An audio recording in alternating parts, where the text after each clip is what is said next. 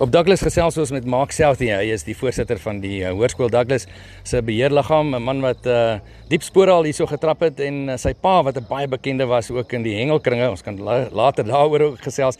Maak maar vanaand 'n borge aand uh, hierso in Douglas, die landbougemeenskap en die skool.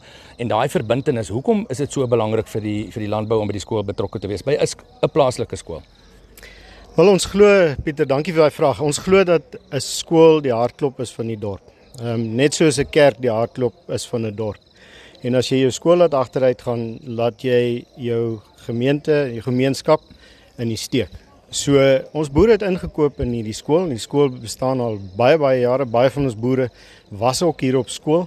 En en die skool is toe uitgebou om omtrent nou 520 kinders te huisves en dan hulle ook toe te laat om te presteer sou hulle kon. So die boere het ingekoop op die visie wat ons het om een van die beste skole in die Noord-Kaap te wees. Ons is tans tweede van die klein skole in die Noord-Kaap en ons wil dit bevorder na na van die beste skole in die Noord-Kaap. So ons ons ding ons mededingende ehm um, skole is stadskole wat baie van ons kinders lok. En dan verloor ons van ons topkinders ehm um, deur borge ensovoorts. En ons boere het gesien, dis tyd om in te staan anders te verloor ons ons jong mense en ons verloor hulle nie net uit die dorp uit nie. Ons verloor hulle uit landbou uit. En landbou is krities vir Douglas. Ek dink Douglas baat 80% van hulle inkomste uit landbou uit en die ander bietjie uit mynbou uit. So ons is 'n landboudorp en die landboubesighede en die en die landbouers het ingekoop en ons is so dankbaar daarvoor. Maar ek het gepraat oor die landbousektor, maar ehm um, die dit is so 'n passievolle gemeenskap van Douglas. Was dit moeilik om hulle te oortuig om betrokke te raak by die skool? Al het hulle ook die kinders dalk hierson nie. Nee, dit is nie moeilik nie. As as hulle as hulle sien dat daar vorentoe gaan uit, vooruit gaan is, dan koop hulle in op die visie. As hulle sien uh die terrein word onderhou, die kinders se onderrig is tops. As hulle as hulle sien dat daar moeite gedoen is, koop ons mense in. Douglas is uniek.